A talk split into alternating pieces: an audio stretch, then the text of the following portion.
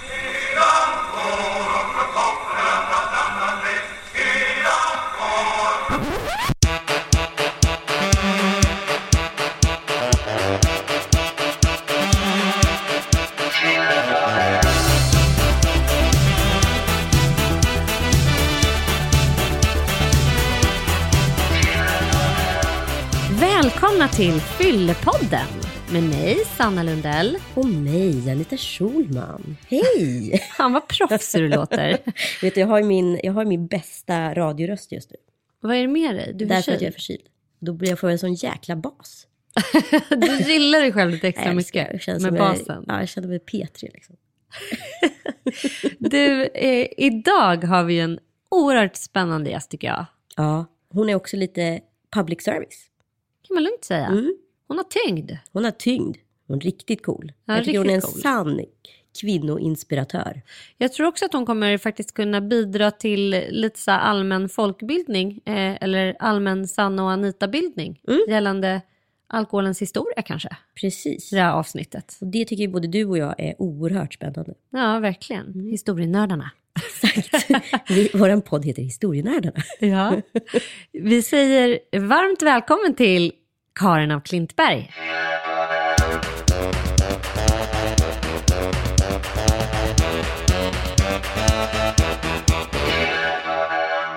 Hej Karin! Hej, Hur är läget? det är jättebra. Vad snygg du är idag. Tack. Du är alltid snygg i och för sig, men Tack. lite extra tycker jag. Det är en grej jag har att jag försöker klä mig finare än jag är pigg. Jaha, smart. Ah. Ja, för då, det är en sån uppåtgående spiral att alltid vara lite för snyggt klädd. Jag önskar att jag kunde säga detsamma. Jag var precis hos, jag lufsar ju runt väldigt mycket i stallkläder. Eh, och människor då som jag träffar i de här miljöerna. På fullt allvar så träffade jag, för jag, jag skulle åka liksom direkt från stan till en veterinär och så mötte jag upp massa folk från stallet och de kände inte igen mig. De bara, vem är det där som kommer? Att jag hade lite mascara på mig och så. Så jag jobbar lite mer downdressed Ja, än dig. ja det går bra. Det är jätteroligt att du är här och åh, vi vill prata alkohol med dig såklart. Ja. Som denna podd ju är ämnet att avhandlas i denna podd helt enkelt. Vi, jag tänker att vi ska backa bandet lite grann. Din pappa är ju eh, en väldigt känd folklivsforskare. Mm. Hur trött är du på råttan i pizzan-historien? Det är liksom en, eh, han är ju en oändlig liksom, källa av bra historier. Så att han är ju bara inspiration för mig, så att det är väldigt positivt laddat. Så att eh, eh jag är inte ett dugg trött, tvärtom. Jag tycker det, det kommer ju nya hela tiden också. Så det är ju inte samma som valsar runt. Jo, det är samma som valsar runt, men det kommer också... I ny version. Ja, Ja, det var han som alltså fauna. skrev eh, Råttan i pizzan-boken. Ja, han skrev Råttan i pizzan som alltså är urbana vandringssägner som är sådär, det här har hänt min kompis kompis mamma, men det är helt sant. Och så är de ju inte sanna. För våra då yngre lyssnare, fin- finns det någon sån där som håller på att florera nu? Ja, det finns jättemånga, men en som jag bara hörde häromdagen är den här att någon säger så här, ja men vet du vad som hände? Min kompis kompis, hon gick till gynekologen. Och på morgonen eh, så hade hon liksom, hon ville bara liksom lukta lite gott. Så att hon tog ur badrumsskåpet lite parfym, sprutade lite i skrevet, gick till gynekologen, det var en manlig gynekolog. Och så när hon ligger där och brassar upp så säger han så här, vad fin du har gjort dig. Och hon blir jätteirriterad, rusar därifrån och då visar det sig sen att hon hade tagit sin dotters glitterspray istället för en parfym. Den har jag faktiskt hört. Har du hört den också? och vem hade det skett? Din kompis kompis? Ja. ja. Alltid. Men tror du att hans, eh, men den här typ, alltså vandringssägnerna och hans yrkesvärv, har det präglat dig? Jag tror det, fast eh, det har inte varit med, så medvetet för mig, men jag tror att han har ju hela tiden liksom, eh, folkbildat och det är ju jag också jätteintresserad av. Ja. Även om det låter pretentiöst så, så brinner jag för det. Ja, du är ju infotainments queen kan man ju säga. Du har ju en del produktioner bakom dig som alla är i vad ska Ja, men att blanda fakta med humor, det känner jag lite min cup of tea. Ja, det är Att det är ett bra sätt att ta till sig kunskap, att man gör, gör det i ett skratt eller när man är att man inte riktigt märker att man lär sig något. När är det som roligast på jobbet? Det är väldigt roligt på jobbet i många olika processer. Att förbereda ett program är jätteroligt, att eh, spela in ett program är jätteroligt och att klippa ett program är jätteroligt. Eh, och man hamnar i sådana här flow då man liksom tappar sitt liv på ett positivt sätt. Att man bara tänker på, att man är så koncentrerad att man inte tänker på någonting utanför jobbet. Det tycker jag är underbart. Varför är det så härligt egentligen? Jag kan Det är inga sorger i det. Nej, det är, Nej. Väl, det är lite som en verklighetsflykt. Det är en Ja. parallell verklighet Ja. att kliva in i en produktion på Ja. något sätt. Jag tycker det är mikropsykos. Ja. Alltså det är som att så här, man är lite, liksom, lite sektifierad under en period. Liksom. Ja. Men bru, brukar du drabbas av så här post, pro, post-production anxiety? Eh, Men normalt så har jag inte den lyxen att liksom vila efteråt utan igång i nästa. Så att jag, har, jag har inte haft det någonsin. Men nu har jag faktiskt varit ledig i eh, nästan tre månader.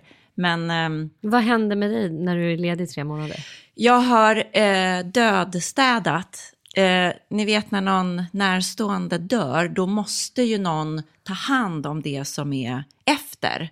Och jag har ingen som har dött runt omkring mig, men jag har liksom dödstädat min egen lägenhet. Så jag har liksom rensat ut en version av mig själv.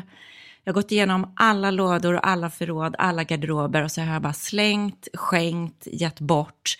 Så det liksom, om man tar ut eh, en låda nu eller öppnar ett skåp hemma hos mig så är det i pedantisk ordning.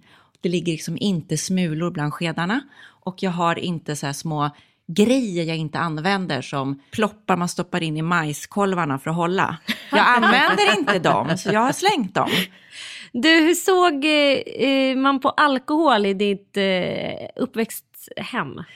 Ja, jag är ju uppvuxen på 70-talet och då var det ju en ganska fri inställning till alkohol. Jag har en stor släkt. Min släkt som är sånglärkor, de sjunger i stämmor och de dricker väldigt mycket snaps. Så att det har ju snapsats i hela mitt liv. Så att när vi barn var små, då var vi liksom specialister på snapssånger. Det är som vi har så här, norra Europas största repertoar av snapsvisor. Herregud. Så att vi barn satt liksom och skrålade i eh, lekstugan och istället för att sjunga Lilla snigeln så sjöng vi liksom Helan går. Så att vi har ju haft ett, eh, ja, en liberal inställning till alkohol och jag vet att det finns forskning som visar att det inte alltid fungerar men jag tycker att det har fungerat, för mig har det fungerat jättebra. Har du, all, har du aldrig upplevt den här liberala inställningen eh, som problematisk på något sätt? Nej, aldrig. Jag eh, hade ett samtal med min andra kollega Ann Söderlund här precis i bilen på väg hit. Där vi just diskuterade det där att så här, är det alltid skadligt att eh, dricka kring sina barn? Alltså vissa vill ju hävda det och det finns forskning som visar att barn upplever att personer blir beteendeförändrade även om de bara har druckit ett glas vin. Och, ja, men vi, vi började prata om det där lite löst och, och jag menar det där är, det finns ju alltid undantag från regeln och eh, eh, eh forskningen visar ju liksom en sak men det beror på helt hur man har ställt frågan. Det finns ju liksom inte tillräckligt med forskning på fältet. Så eh, självklart är ju upplevelsen individuell. Och eh, det är ändå väldigt spännande tycker jag. Men det det gav mig, det var att alkohol inte var så hemligt, att det inte var tabu, att man inte var tvungen att smussla med det. Eh, Så att det fanns verkligen, jag ska inte sitta och propagera för det, det gör jag inte, men det funkade för min uppväxt. Men var det ingen i släkten som hade något problem med alkohol? Eller så? Jo, det har funnits, men de har ju tagit liksom sitt ansvar. Det har inte gjort att andra har behövt eh, förändra sig. När var du full första gången? Eh, det var i högstadiet och jag hade en kusin, hon heter Anna, eller hon heter fortfarande Anna, som, som eh, tog in mig i vuxenlivet på många olika sätt och berättade om flytningar och att kvinnor kan få orgasm. Och hon lärde mig att röka. Det gick inget bra för jag kan fortfarande inte röka, men hon eh, lärde mig också, det var med henne jag drack alkohol första gången. Och då hade hon en kompis med en kille som då hade fyllt systembolagsålder. Eh, och då beställde jag två stark öl. Och han tyckte det var så himla lite så han köpte tre. Men jag drack bara två. Det var liksom min första dricka utan föräldrar för att vara, bli full grej. Men jag, jag tror inte jag blev superfull. Det var ju mer liksom känslan av att sitta och dricka sina två burköl konstigt ändå första gången när det snurrar i huvudet och man själv liksom inte hade gjort någonting aktivt. Alltså inte sprungit runt en stolpe Ja. eller åkt berg och dalbana. Liksom. Men det var liksom ganska skyddat för vi satt så här tre tjejer i en lägenhet med låst dörr. Så och att, väntade på att det skulle kicka ja, in. så att det var liksom ganska kliniskt. Det var ändå så här, jag blir ändå ganska häpen när jag hör den här typen av stories. Jag hör den ganska ofta, att man, så här, man förbereder sig, man liksom preppar och det ska Ja. vara tryggt på något sätt. Så där, Ja. Att det är liksom, ah, här ska det liksom, att man inte kanske är så himla oförsiktig som det kan verka utåt. Liksom. Men, eh, och sen då, efter den där alkoholdebuten, hur såg det ut sen? För mig har alkohol alltid varit så socialt så att jag kan gå på fest och känna mig jättefull utan att ha druckit en droppe alkohol för att det är på något sätt stämningen som oftast gör mig berusad. Så att det har alltid varit förknippat med sociala aktiviteter. Eh, så jag känner mig mer berusad tror jag än jag faktiskt är för att stämningar får mig upp i varv. Ehm, jag tänkte att i och med den här dödstädningen och att jag är en ny människa, att jag ska liksom börja dricka mer ensam. För att jag har alltid just bara druckit i sociala sammanhang. Och jag skulle vilja bli lite mer av en livsnjutare. Eh, jag har en morbror som när han häller upp ett glas vin och som dricker första klunken så utbrister han, han säger det inte utan han utbrister dessa droppar. Och jag vill bli lite mer som morbror Jan, att jag liksom vågar ta ett glas vin ensam hemma och utbrister dessa droppar och liksom vågar dricka det här glaset och livsnjuta. Varför tror du att det är sånt stort tabu runt precis det du säger nu? För att, eh, i alla fall för mig har alltid alkohol varit kopplat till sociala eh, sammanhang. Att det är lite fult att dricka ensam. Det, är liksom, det, finns en, eh, det finns moral kring det. Men jag vill, och jag pratar inte om att dricka stora mängder, jag vill, kunna, jag vill dricka ett glas, utbrista dessa droppar. Jag ska också säga att Jan, när han ser vackra platser utbrister han också, här skulle man älska. Fint! Jag vill ha lite mer ha den spiriten. Men absolut är det kopplat till en viss moral att dricka själv. Men sen är, är ju också att dricka själv är ofta en fråga som finns med när man ska utreda om någon har eventuella alkoholproblem eller en begynnande beroendesjukdom. Dricker du själv? Ja. Eh, och jag tror till och med att det finns med i alkoholprofilen, den frågan. Eh, och då är det en så att säga markör för att man skulle ha Men tycker ni att det är fult? Att dricka själv? Ja. Eh, nej, för mig är det bara så här, jag tänker alltid på, jag, jag kopplar alltid till de där symptomen. Ja. Alltså att den här, den här lilla frågeställningen så här, hur dricker du? Har, det, har ditt drickande någon sak orsakat dig problem? Har du haft konsekvenser av ditt drickande? Dricker du ensam? Mm. Så jag tänker mer på det som en så här liten orosmarkör. Men känner du dig orolig nu när jag berättar att jag vill Att du ska kunna... börja dricka att jag, själv. vill, att jag vill kunna ta ett glas. Men grej, känner du dig orolig då? Nej, det gör jag Men jag inte. känner att du är som beskriver- frankofil så att det så här passar dig på något sätt. Ja, men jag känner också så att jag har varit så dålig länge på att leva i nuet, vara närvarande i nuet och att eh, jag känner så att det jag vill slå vakt om är ju nuet. Så att, att kunna vara ensam och dricka en klunk och på riktigt känna hur det smakar. För det gör inte jag tror jag när jag är ute och äter en middag med kompisar. Då bara slaska i mig det där vinet. Men jag är så ny singel så liksom hela ansatsen för mig till att börja med att så här vara hemma själv är ganska hög. Och Ja. då så här korka upp själv är på något sätt ännu högre. Du tycker att det känns Där, tragiskt? där skulle jag känna mig mer orolig. Ja. Om du började göra det. Nej, men Det det, finns är, mycket att dricka bort. Säga. Ja, både Lindra. och liksom. Men för mig har alltid alkohol varit otroligt socialt kopplat. Jag blir i princip inte sugen på alkohol ifall inte jag är i ett sammanhang där inramningen tillåter det. Jag har så otroligt svårt att bli sugen på Men alkohol. lagar, och det, det hänger också samman med, lagar du mat till dig själv? Lagar du en riktigt fin Nej. måltid till dig själv? Nej. Unnar du dig det? Nej. För det hänger egentligen ihop tror jag. Ah, Det Och så långt har jag inte kommit att jag unnar mig själv en riktigt fin måltid. Så att jag Nej. liksom äter skit, så, så tar jag ett glas vin. fil med ett glas vin. Ja. McDonken och ett glas Men vin. det är nästa steg. Ja, det är bra, intressant. Jag lyssnar och lär. Men vi har ju i Sverige, du som ändå är bra tänker jag på att ha en så här utifrån blick, att titta på Sverige och på våra normer och vårt ja. samhälle och vår kultur och vår historia. Eh, om du får bara beskriva snabbt hur du ser på svenskens här, alkoholkonsumtion. Eh, i ja, några, nej, snabba det, meningar. Ja, det finns ju massor att säga. Om jag bara får backa lite. så Jag har gjort en serie som heter Historieätarna som handlar om en man och en kvinna, Erik Hagelotte Lundgren, som reser tillbaka i tiden och äter sig genom olika epokers mat. Och det visar ju sig att maten är en väldigt bra portal till vår historia, för det går att utläsa väldigt mycket genom maten. Eh, verkligen som teknikframgångar, klassgenus, Eh, vem har lagat maten, måltidssituationen, trender. Det finns jättemycket att utläsa kring maten, men det finns det faktiskt kring alkoholen också. Så att alkoholen säger jättemycket om ett land. Eh, vårt fokus var hela tiden maten, men alkoholen fanns ju med. Så vi har ju druckit de drycker man har druckit i Sverige under 500 år och lyft upp de dryckerna. Och då ser man ju att Sverige är ju ett brännvinsland. Vi eh, man gör ju alkohol efter de naturresurser man har. Vi har haft liksom, spannmål och potatis, så vi har gjort brännvin. Och vi var ett brännvinsland i flera hundra år, ända fram till 1900, eller på 70-talet, då vinet gick om brännvinet. Så det har ju präglat svensken eh, enormt. Eh, och det har vi försökt också gestalta eh, i historieätarna. Men jag undrar en grej jag tänker ofta på det här med alla krig som har varit och hur, hur liksom kartan har ritats upp så många gånger och ritats om. Eh, hade det sett likadant ut ifall inte alkoholen hade funnits? Ja, det är jätteintressant. All alkohol vi har serverat i historieätarna har vi ju hittat någon källa på.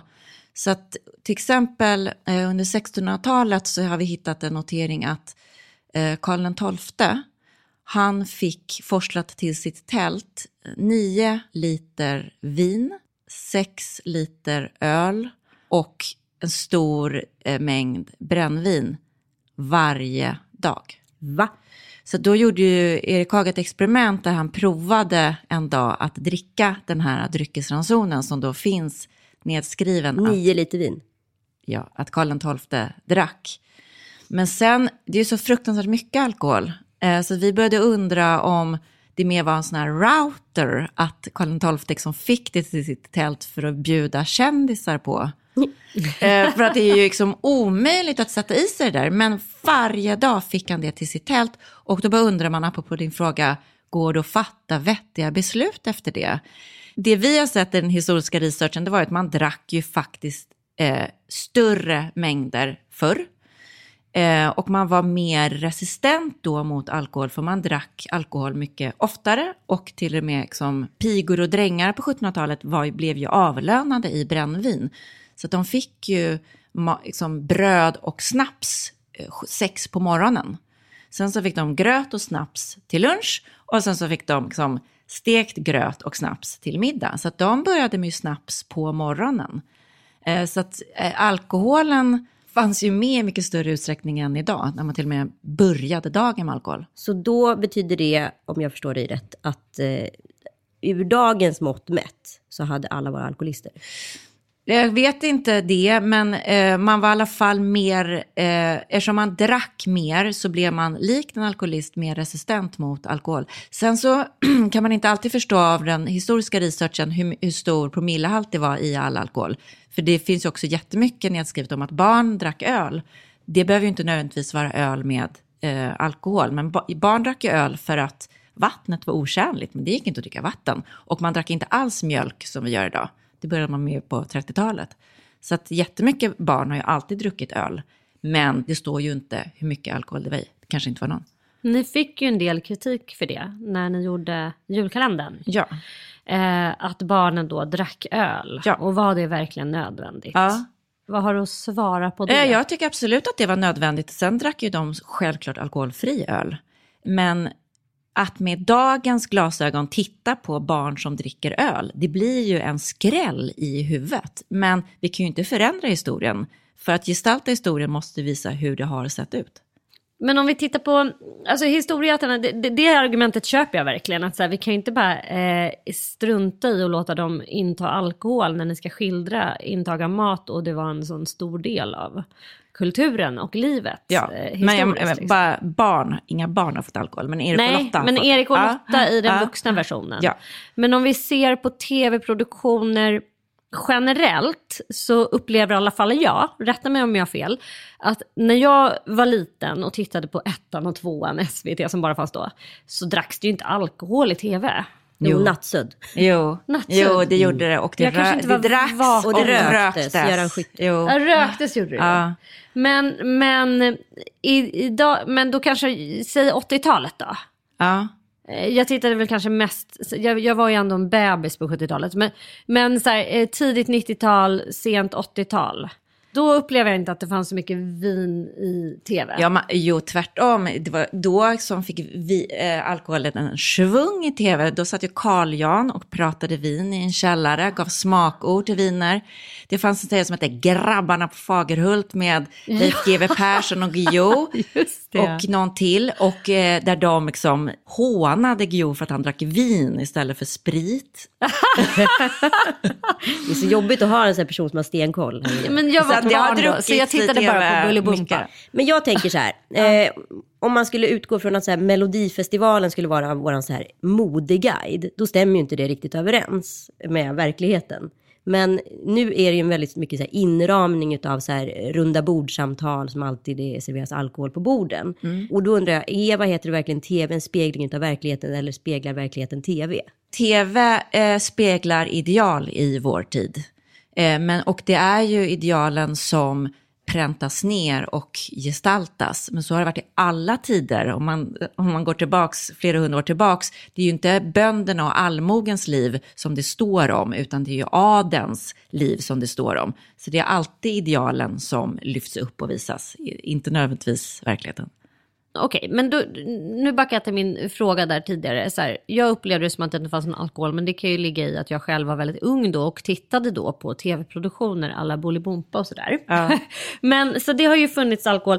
Men eh, idag så tycker jag, då tittar jag ju då på alla de här som är då tillvänd till min publik, eller min målgrupp. Plu- Pluras kök, Gills Veranda, Stjärna på slottet, Sommarpratarna, Renés brygga. Och jag har ju själv medverkat i många av de här produktionerna. Och där det serveras frikostigt med alkohol verkligen. Alltså, jag upplever det lite grann som gäst, som att man gärna vill att gästerna ska dricka för att det ska bli lite mer avslappnad stämning. Liksom. Kan det ligga någonting i det? Nu har jag inte jobbat med de produktionerna, men om jag bara uttalar mig allmänt så tror jag ju att alkohol är ju såklart ett socialt glidmedel. Så att det kan ju få folk att våga börja prata. Sen om jag tittar på historieätarna så tycker jag att man har ett stort ansvar. Jag känner att jag har ett stort ansvar när jag visar två människor som dricker. Så att om det inte har varit befogat, då har jag ju inte visat det. Det måste ju finnas en adekvat anledning att visa drickande och att om det är en adekvat visa liksom fylla. Sen har jag ju makten att redigera Erik och Lottas fylla.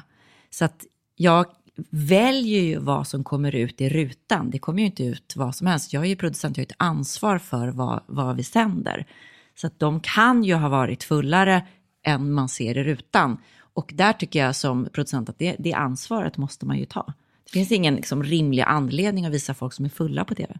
Hade ni några diskussioner i produktionen om att de skulle dricka eller var det bara helt självklart, nu ska ni dricka det här eller? Ja, men alltså på Förstår samma sätt som de bar kläderna, perukerna eh, åt maten så skulle de också dricka. Men det är ett större ansvar tycker jag med drickandet och det eh, har vi ständigt tagit hand om. Ja, och haft interna diskussioner om. det. Absolut. Så jag måste också säga det är så intressant för att eh, sprit, eh, drickande är inte, när man jobbar med tv, det är inte visuellt. Eh, om det kommer in en liksom, en svan så är det roligt att titta på. Eh, om det kommer in 1600-talsmat med en paj där det hoppar ut grodor eller en gädda som biter sig själv i stjärten. Det är liksom är rolig tv. Men sprit blir aldrig visuellt för det är bara eh, liksom oftast en genomskinlig dryck. Så att vi har liksom i onödan då tappat björkar på Sav i mars för att ha i en inspelning, lagt i frysen, haft en inspelning i eh, september. Men det syns liksom inte på, den här, på det här glaset att någon tio månader tidigare har tappat den här björken på Sav. Så att det liksom var ganska mycket som pärlor åt svinen att eh, fixa ett brännvin som är historiskt korrekt på 1700-talet. För det, det syns inte. Mm. Men bakom varje glas som har druckit i historieätarna finns det jättemycket mer arbete än man kan ana. Du har ju två barn. Ja. Som är, hur gamla är de? De är sju och nio. Men då är de ganska små än mm. så länge. Mm. Men har du några tankar kring dels hur du själv dricker kring dem mm. och om hur du ska prata om alkohol med dem? Eh, ja, men det kom upp faktiskt bara häromdagen. För då när jag skulle vara livsnjutare och ta mitt glas vin eh, så var det medbarnen och då så sa min yngsta, tänk om du blir alkoholist nu mamma och sitter på eh, parkbänkar. Och då sa jag att det är en jättebra fundering du har där. Men det kommer inte hända för att eh, jag behöver inte dricka alkohol istället för att äta eller sova. Jag behöver inte dricka alkohol på morgonen eller på middagen utan jag tar det som en förhöjning av eh, någonting fint. Så att vi, liksom, vi har pratat aktivt om det och att han, det inte behöver finnas någon oro om jag dricker ett glas vin. Och jag tror att det sjönk in bra. Men när man jobbar med liksom, eh, den här typen av samhälls-tv, vilket det är, mm. infotainment. Eh, vad, hur tänker du liksom runt eh, morgondagens tv-trender och sådana saker? Det är ju så otroligt svårt att läsa av tv-kartan just nu. Ja, men alltså jag skiter i tv-trender för jag tycker det är helt ointressant. Jag skapar hellre liksom, tv-trender så jag vet inte vad som är nästa trend. Men jag tror att, om jag ska svara, försöka svara så tror jag att liksom, kunskap mm. eh, alltid kommer vara på något sätt trendkänsligt. Du har ju gjort Historieätarna. Blir det någon mer säsong? Nej, men vi eh, har inte fler eh, epoker. Vi har tömt ut alla epoker och vi kan inte backa längre tillbaka än 1500-talet för att eh, vad det gäller mat och dryck, för det finns inte nedskrivet. Så det blir bara spekulation. Men vi kommer göra en ny serie eh, som än så länge är hemlig. Mm. Aha! men är det någonting som kommer att handla om mat? Nej, men det kommer att handla om historia. Alkohol kan vara gott och öka trivseln, men det ställer också till många problem. För de som dricker och för de som finns intill och för samhället.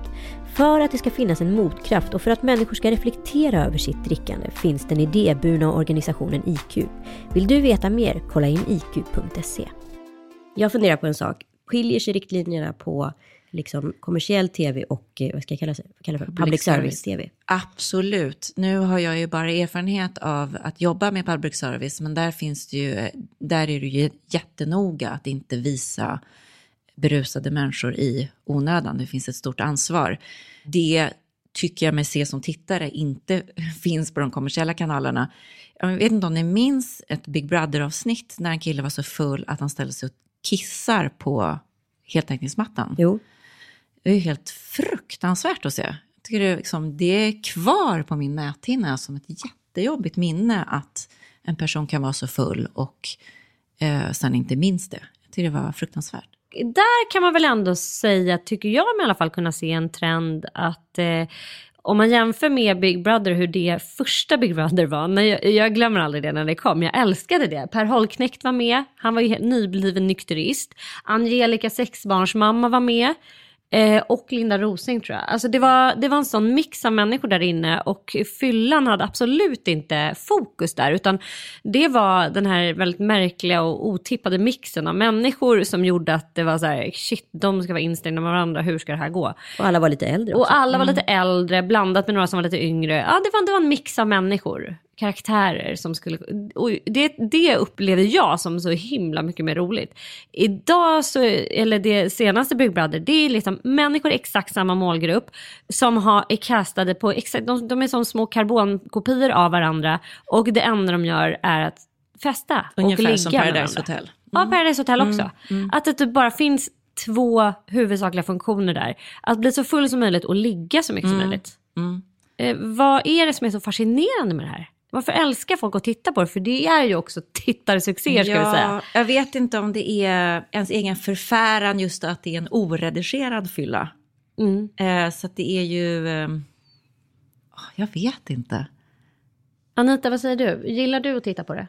Paradise Eh, Hotel? Ja, men jag tycker det är målgruppsbetonat. Jag, tror, jag tycker att det var väldigt mycket roligare för tio år sedan att titta på det än nu. Nu, tycker, nu är man ju barn själv så känner man ju också lite så här, fan, lite ansvar, eller förstår du? När man bara tittar på honom och kolla vad full han är, då är det inte så farligt liksom. Och så har man liksom ingen empati eller moral eller liksom värderar det på något sätt. Men nu har man ju både moral och empati, så man tycker både synd om den och kanske tycker att det är förkastligt.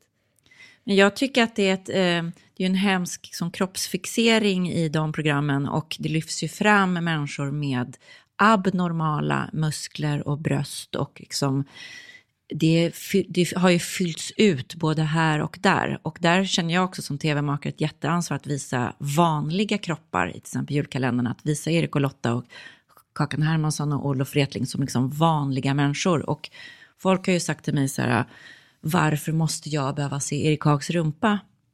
Ja, för att se någonting annat än en uppumpad 19-årig liksom, botoxkropp. För att jag känner att jag har ett ansvar att det finns vanliga kroppar och hej, de mår lika bra som vi. Så att eh, det är viktigt att visa liksom, vanliga mänskliga kroppar också.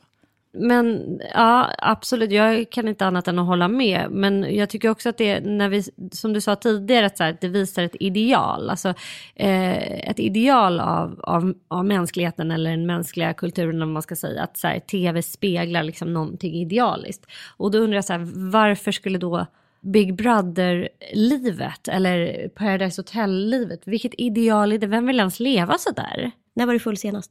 Ehm, förhöjd har jag varit lite då och då. Jag vet inte om det är full.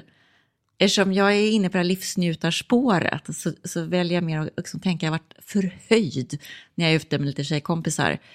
Eh, riktigt så här kalas under bordet har jag inte varit på flera år tror jag. Vilket är ditt värsta fylleminne?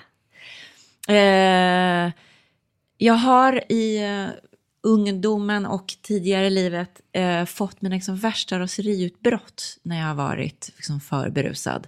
Det eh, har varit skitjobbigt. Jag vill inte hamna där igen. Tack så hemskt mycket. Har du några sista ord till Fyllepodden? Nej, men om man tittar på kvinnors drickande så är, är det mycket mor- moralpanik som har liksom, eh, lyfts upp kring kvinnan. Att när man började eh, ha liksom, after work, då fanns det moralpanik att kvinnan skulle må så dåligt av det. För att liksom, kvinnan kan ju inte hantera sitt drickande. Och sen när bibben kom, så bag-in-boxen, då var det att ska kvinnan klara att dricka de här mängderna? För att man ser ju inte hur mycket som försvinner ur bibben.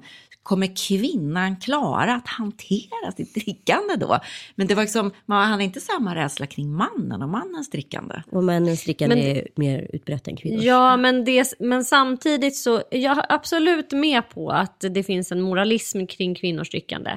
Men samtidigt så tror jag att det är fel att inte väga in att män och kvinnors kroppar är olika.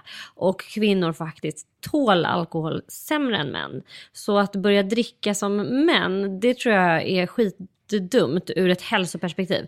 Medan jag tror att det skulle vara vettigt för män att börja dricka mer som kvinnor. Det skulle, alltså fler män dör av alkohol än kvinnor. Så det vore väl smidigt om de kunde närma sig så att säga det kvinnliga drickandet, vad det nu Men jag är. tror att de har närmat det. sig.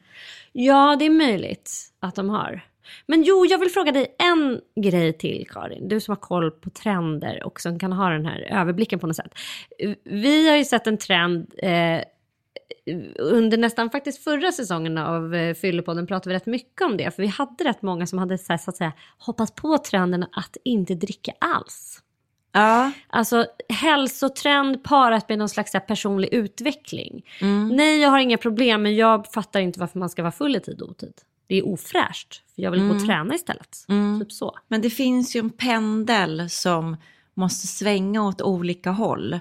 Och då, den här renlevnaden tror jag är en del av det. Jag tror att det är jättebra. Det är så att, eh, som på något sätt heja eh, er. Men det finns också något skenheligt i det här att vara så jävla ren och detoxa och dricka juice och eh, avhålla sig. Så jag kan också bli irriterad på hela grejen då vill jag liksom tänka så här på morbror Jan och dessa droppar och att man liksom eh, vågar må bra och käka lite choklad och liksom, ha det lite gött istället. Men är det kanske en här moralpanik i samhället rörande alkohol just nu? Nej, jag tror att det är rörande kroppen överhuvudtaget. Att liksom, kroppen är din nya valuta. Så att är du inte spänstig och liksom muskulös så har du en, liksom, en sämre valuta än de som har det. Så att vi jobbar ju med, med kroppen och liksom, i hälsans tecken mycket hårdare idag än vi någonsin har gjort. Du är en oerhört spännande gäst, Karin av Klintberg, och jag ska kunna sitta och prata med dig känner jag en hel jäkla eftermiddag, kväll, whatever. Men tusen tack, Tack, för att du har kommit. här. Tack snälla för att du kom Karin. Tack. Och är du intresserad av dina egna alkoholvanor så kan du gå in på alkoholprofilen.se.